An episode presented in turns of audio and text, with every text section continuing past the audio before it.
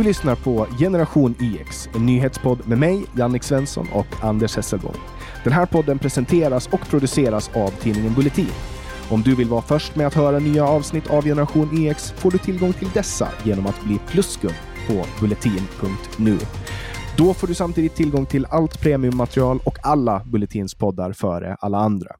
Du kan ladda hem Bulletins app gratis och du hittar länkar i beskrivningen till det här avsnittet eller på vår hemsida www.genyx.se.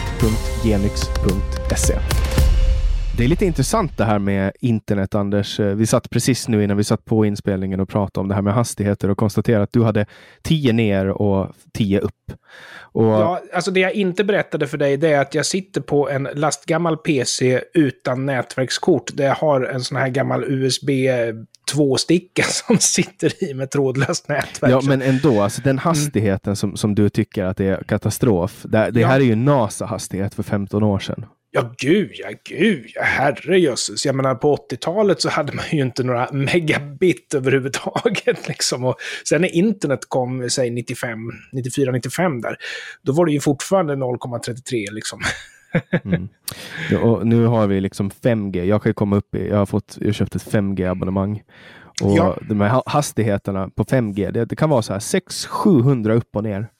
Det är ja. helt sjukt. Alltså, i en telefon.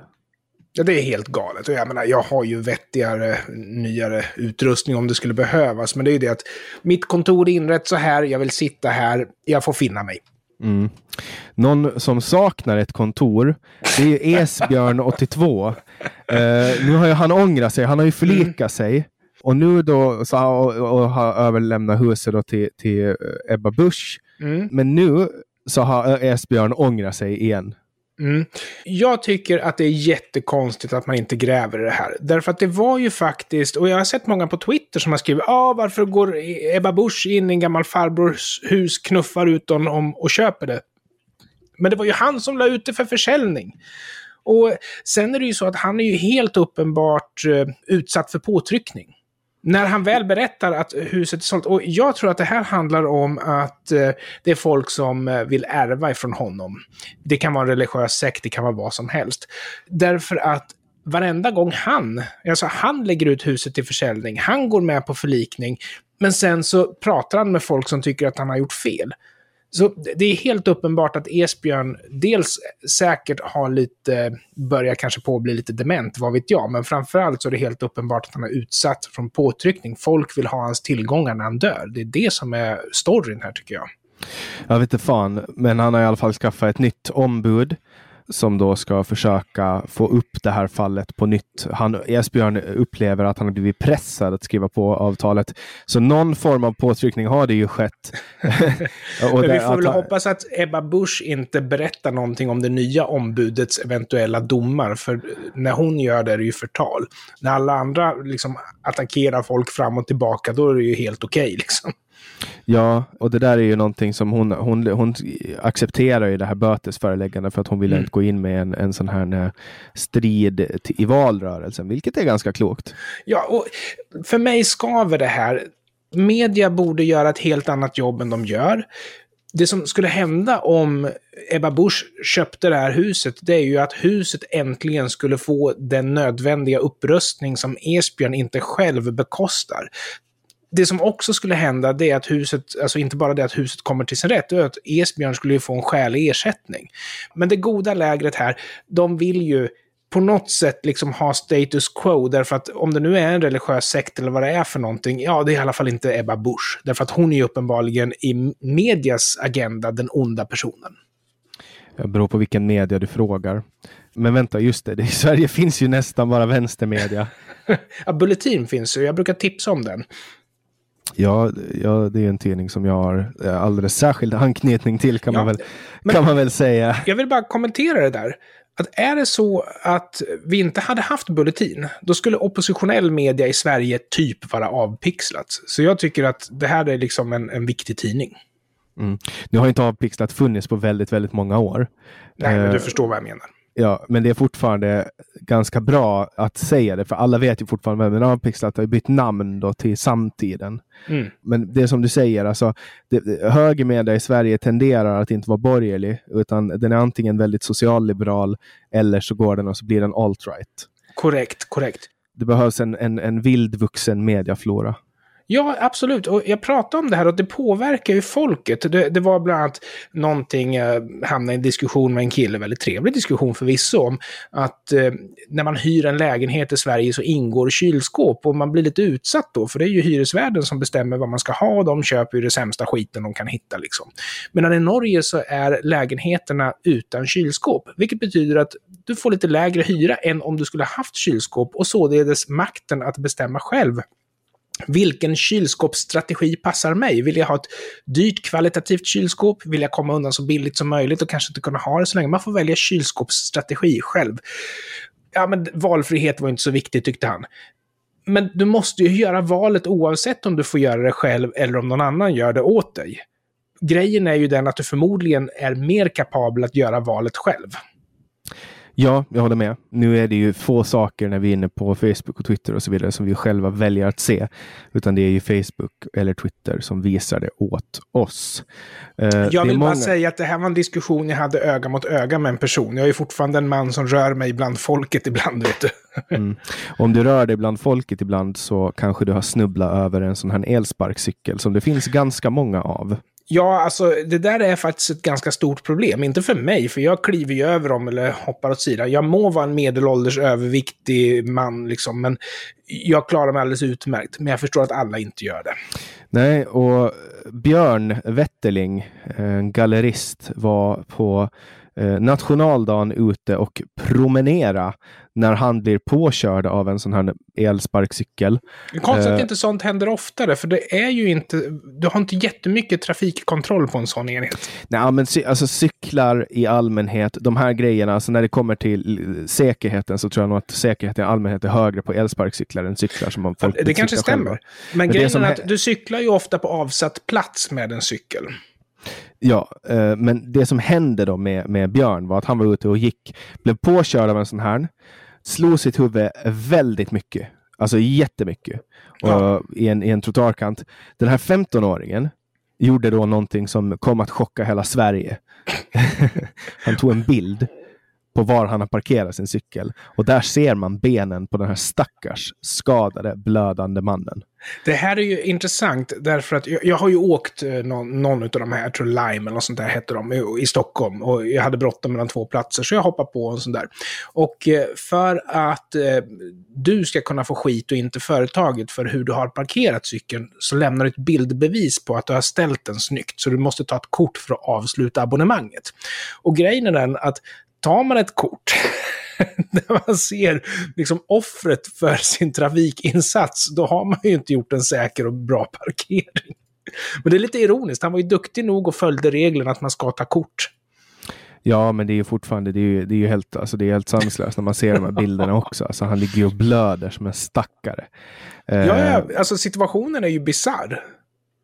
Ja, jag tycker att de kan vara ganska bra de här elsparkcyklarna, men folk parkerar ju dem som idioter. Ja, alltså jag har ingenting emot elsparkcyklarna, utan jag har ju invändningar mot människans förmåga att hantera nya fordon.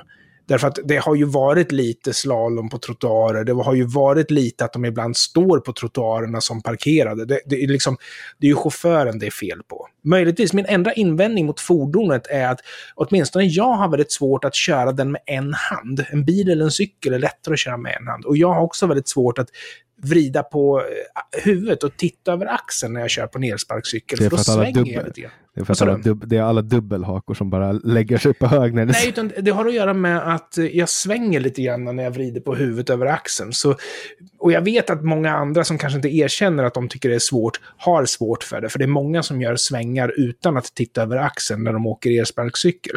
Men bortsett från det så är det ju framförallt föraren som är det stora problemet, inte fordonet. Mm. Ja, eh, jag var på Aron Flam och Henrik Jönssons show The Liberators. Åh, oh, var det spännande? Eh, Ja, den var riktigt bra. De är, de är helt uh, otroliga. Mm. Och uh, där, uh, det, var, det var skitbra.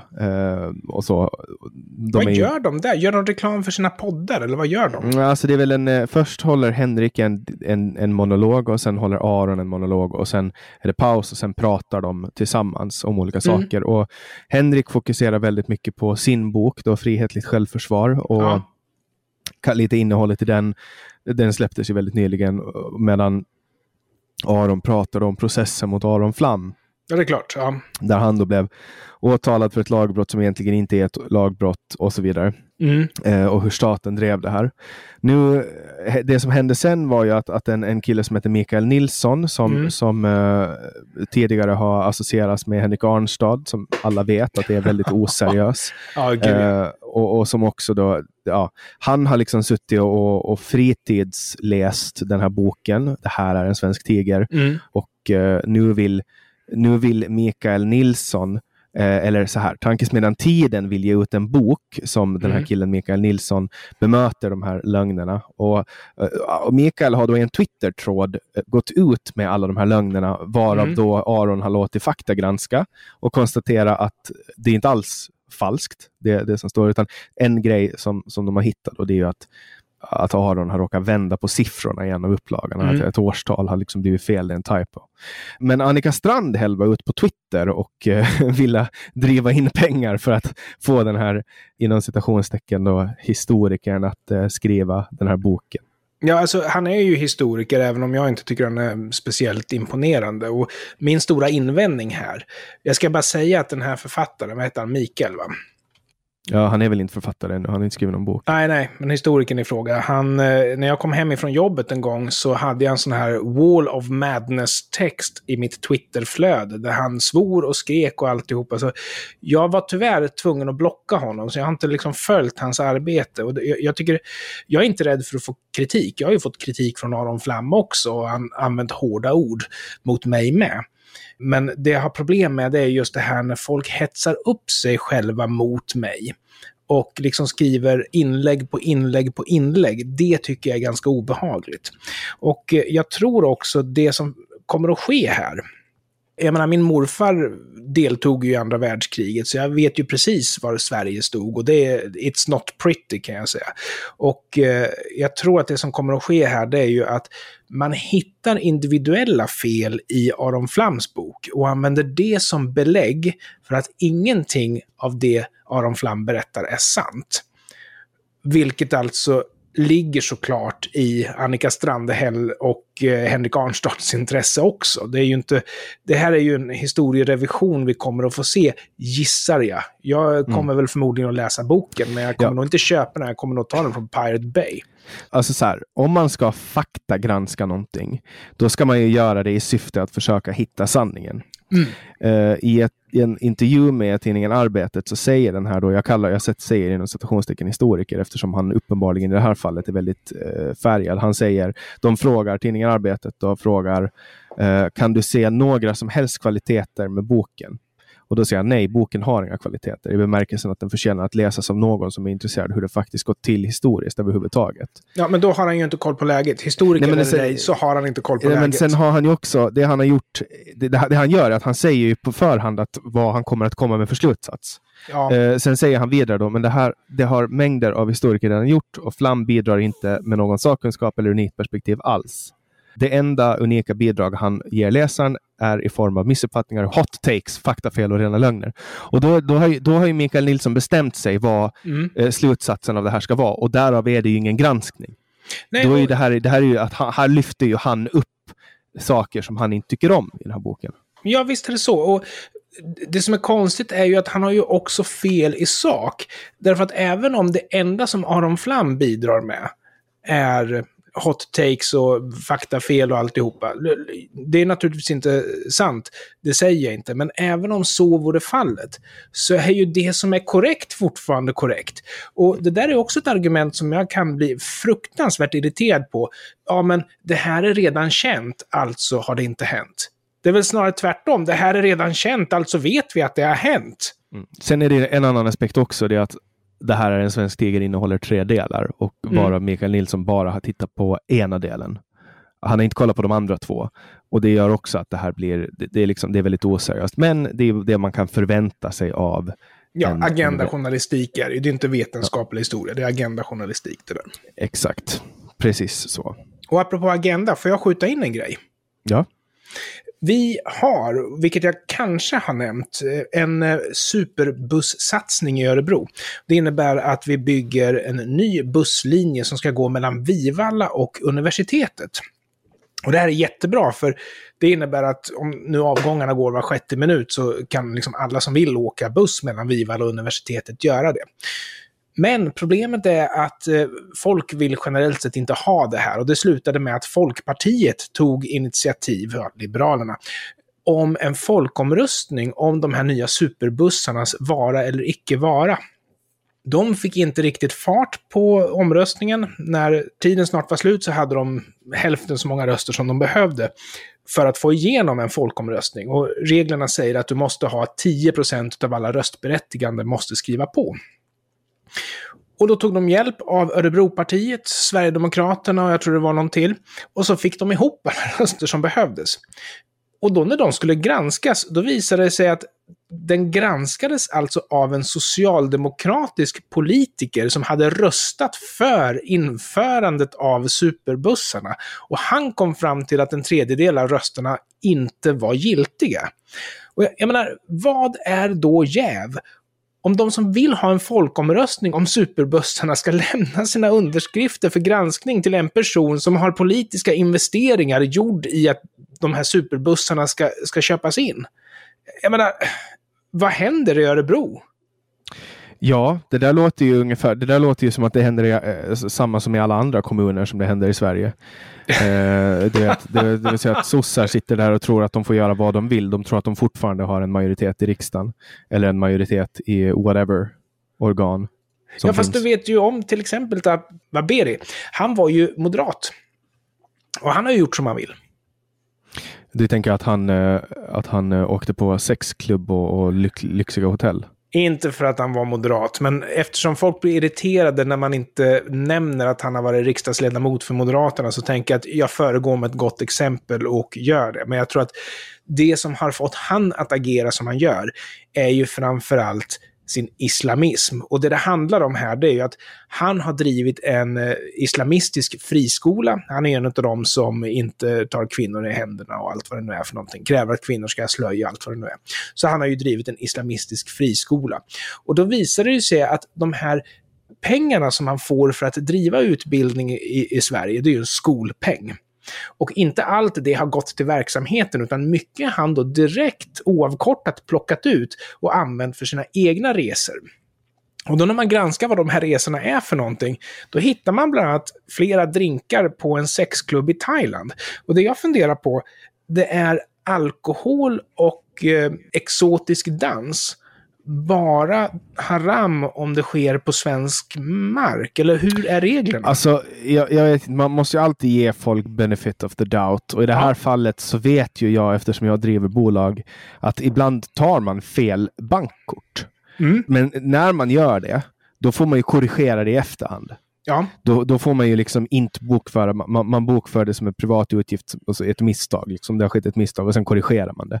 Ja. Kan det vara så att det är det som har hänt? Jag vet inte. Ja, men det kan ju såklart vara att det är det som har hänt. Och det kan ju också vara så att han verkligen är islamist och inte dricker alkohol eller går på sexklubb, utan han han gick in i fel dörr, han beställde fel sak i baren. Alltså, vi vet ju inte. Ja, nej men det, jag vet inte. Det, Det är kan ju vara så. skumt i alla fall. Det, det, det låter väldigt skumt. Alltså, man är i Thailand, man är på en sexklubb, men sen är frågan, vad är en sexklubb? Jag vet, alltså, jag vet inte vad, en, vad är Nej, definitionen av sexklubb. Mediedefinitionen är ju betydligt mer generös än eh, den som jag tror gemene man skulle använda. För du har ju de här exemplen på någon fackklubb som hade pole dance. Vilket enligt pole-dansaren själv är en dansform, men vilket enligt media är liksom sexklubb. Du har ett annat exempel, också en fackklubb, där eh, besökarna fick eh, ett halvt glas champagne som välkomstdrink. Men tittar man på fakturan så är det ju många champagneflaskor och det kallar ju media för spritfest. Liksom. Mm, ja, det är ju klart. Och det är ju media vi pratar om då. Alltså, eh, ja, de skulle bara veta hur det går till på vanliga företag. Jag menar, det, standard för mig när jag jobbade i privata sektorn, det var ju liksom att två, tre, fyra öl kunde firman bjuda på. Mm. Och det var inga konstigheter liksom. Det är en spritfest. Det är lite tajtare nu än vad det var förut, men jag har ju varit på en del eh, på Nordiska rådets mm. eh, events och eh, jag kan berätta för alla som betalar skatt att när Nordiska rådet sammanträder, då jävlar dricker man alkohol. Och mm. det är mm. inte till självkostnadspris, utan det är någon annan som betalar. Ja, ja, absolut. Och då vill jag bara kontra med att säga att jag nu som eh, statstjänsteman jobbar på en svensk myndighet, får inte ens en julmust av min arbetsgivare, därför att vi, vi råkar vara väldigt noggranna med det. Men är du inte en myndighet, då har du ju andra regler även när det är statligt. Men för min del, jag får liksom inte ta emot en skumtomt alltså. Varken mm. från min arbetsgivare eller från en eh, medborgare. Ja, men eh, så fort staten äger ett privat företag eh, då får det privata företaget rulla i alkohol. Ja, eller så fort staten äger ett företag, då får det statliga företaget rulla i alkohol. Jag menar Systembolaget, herregud. ja, men jag tänker mera på att, att staten kan ju också driva företag. men de inte... är ju inte privata då, de är ju statliga då. Jo, men det är ju fortfarande ett företag. Ja, men då får du ju inte säga privata företag, då får du säga Nej, det företag. Så. Ja, det är företag. Ja. Mm. Det, det, var en eh, konsert ganska nyligen, Travis Scott, eh, en oh. rappare. Ja, det där eh, känner jag till. Ja, det är fruktansvärt. Det var i Texas eh, på en musikfestival ganska nyligen. Man har ju öppnat upp Mm. Eh, man har ju öppnat upp igen då och åtta personer dog och 20, ett 20-tal skadades då när, när det utbröts panik på den här spelningen och då har han flera gånger Uh, under, under den här konserten sagt åt folk att lugna ner sig och liksom mm. försökt på, påkalla. Men alltså frågan är, anledningen att jag tycker att det här är intressant är att hände det här mycket förut mm. också innan uh, covid? Och bara det att det händer så ofta att man inte pratar om det, eller Nej. är det unikt? Ja, det är unikt därför att det här var ju ett stort problem på konserter. Och det var ju därför man började liksom ta fram det här med kravallstaket, att du ska inte tryckas mot eh, scenen, du ska tryckas mot någonting som sviktar. Och får jag vara lite sexistisk i våran podcast? Mm, ja, vi får ju bedöma efteråt vad som är sexism och vad som inte är det. Okej, okay, så nu ska jag berätta en liten anekdot som ni kanske inte hör för att den är bortklippt. Och det var en kille som faktiskt jobbar som konservvakt. Du har ju en, ett, så att säga, ett par lager innan scenen. Och det är ju nämligen så att blir du tryckt mot ett kravallstaket så är det egentligen ingenting som händer. Blir du tryckt mot en säkerhetsvakt så är det egentligen ingenting som händer. Men blir du tryckt emot just scenen, då står ju den kvar och du blir mos. Och det var ju därför man började ändra på hur man satte upp de här konserterna. Och eh, det man ska göra, säkerhetsvakterna, de står med armarna utåt sidorna. Och de står i brösthöjd. Därför att då får du en naturlig hjälp ifrån de som står längst fram, både från brudarna och brudarnas pojkvänner. Därför att de vill inte ha sina bröst i armarna på en säkerhetsvakt. Ah. Vi får Spännande. se om ni hör det där eller om det är bortklippt. Mm. Spännande faktiskt. Ja, i alla fall väldigt tråkigt att, de här, uh, att, att så många människor har dött. Det är helt fruktansvärt. Och nyligen hände mm. det också att en, en äldre herre ramlade i ett konserthus i Uppsala. Uh, ja. jag, min, min, min tanke här, eller fundering var i alla fall, är det här någonting som händer mycket förut eller är det bara vi som är ovana att läsa om? Nej, men den händelsen i Uppsala är ju unik. och jag, jag, vet inte vad som kan ha hänt där, men uppenbarligen så var det så att personen som föll inte liksom var en elitidrottsman precis, utan förmodligen lutade sig mot eh, räcket och räcket var inte högt nog eller att han gjorde någonting annat fel. Jag skyller alltså inte på räckets design här, utan det, det är en ytterst tragisk händelse. Det här hände inte förr kan jag säga. Mm. Vi ska också prata om någonting annat tragiskt och det är ju mordet på Palme. Eh, det är alltså förra sommaren, det här pratar vi om också, mm. uh, då så la man ner den 34 år långa utredningen och påstod att man då tänkte att det här hade att göra med Stig Engström, den så kallade Skandia-mannen. Ja. Nu har en Netflix-serie som heter Den osannolika mördaren släppts, där vi då har eh, Eh, Robert Gustafsson i huvudrollen. Och det är min, min eh, spontana eh, tweet om det här var följande. Det är jäkligt skumt att se Lasse Kongo skjuta Palme bara för att sen bli utredd av advokaten från Män som hatar kvinnor och en alltmer tunnhårig Gunvald Larsson. Mm. Det var alltså, och det här baserar sig helt på, på skådespelarna. Uh, men är men, det din invändning mot serien, att skådespelarna är de de är? Nej, vi har inte kommit, vi har inte kommit in på det ännu. Men uh, det var alltså ganska intressanta, det var alltså Arne Irvell, kommissarien, då spelas av Peter Andersson. Det var ju han mm. då som, som spelade advokaten i, i Män som hatar kvinnor. Just och det. sen spelar Mikael Persbrandt Hans Holmer. Och det är ganska roligt att det är just Mikael Persbrandt, för att Mikael Persbrandt är väldigt duktig på att spela arga poliser. Ja, och inte helt olik Hans Holmer faktiskt. Kanske lite yngre bara, men Mm. De liknar faktiskt väldigt mycket. Mm. Uh, nej, men innehållet i serien är det spännande, det är nervkittlande. Man får se, det är svårt att se Robert Gustafsson. Det är ju Robert Gustafsson och han är väldigt rolig. Mm. Och därför är det väldigt svårt att se honom spela Stig Engström, då Skandiamannen. Men, men de, de, de utgår ifrån att det är han som har mördat och så visar de liksom allting ur Skandiamannens perspektiv. Och det är intressant. Det är, det är en intressant take och mm. absolut någonting som jag rekommenderar folk att, att, att kolla på. Ja. Uh, men man måste komma ihåg att Stig Engström inte är dömd. Och, och han är också död och han kan inte liksom försvara sig.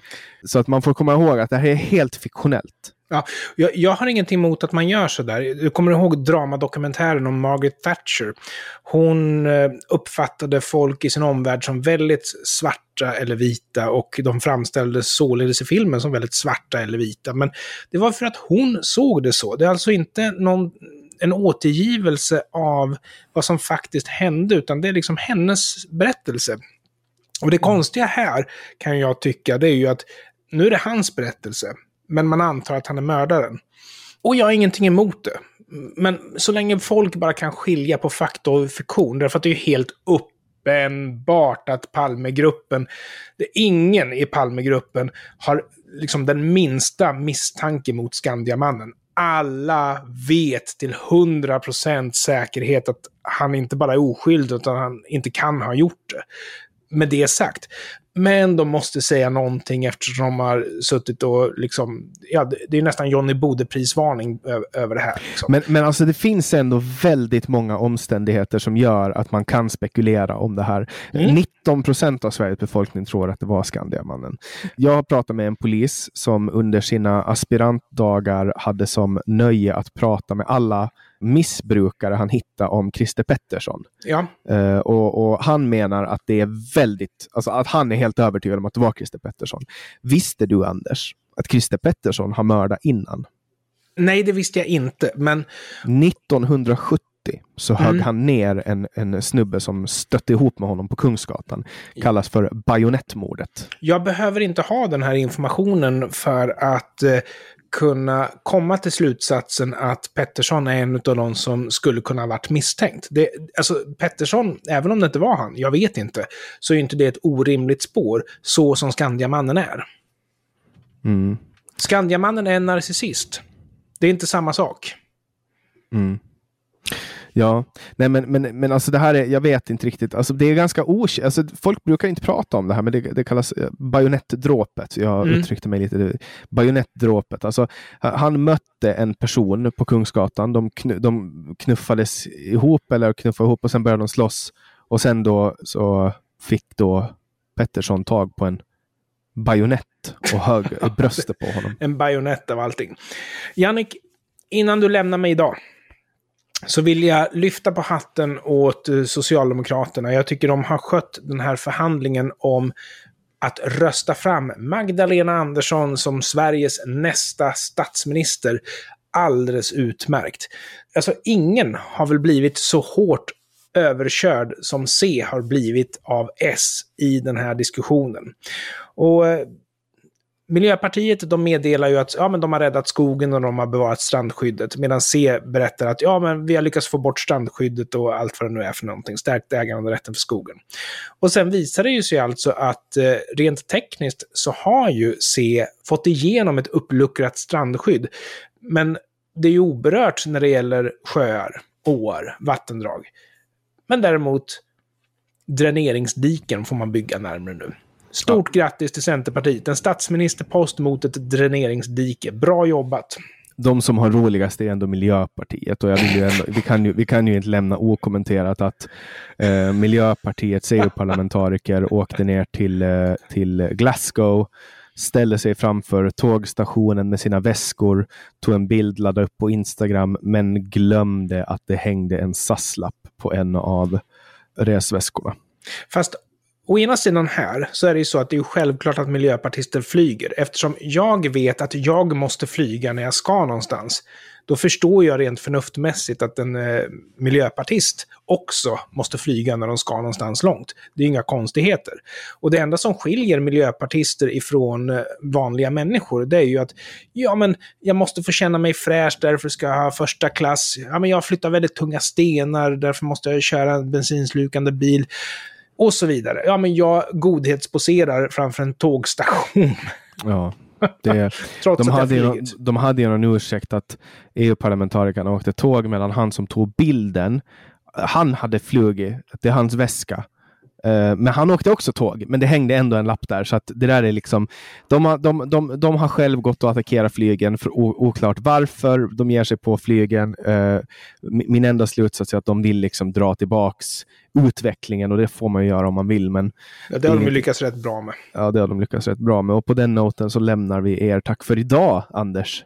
Det här var jättetrevligt. Stort tack, Jannik. Hej då!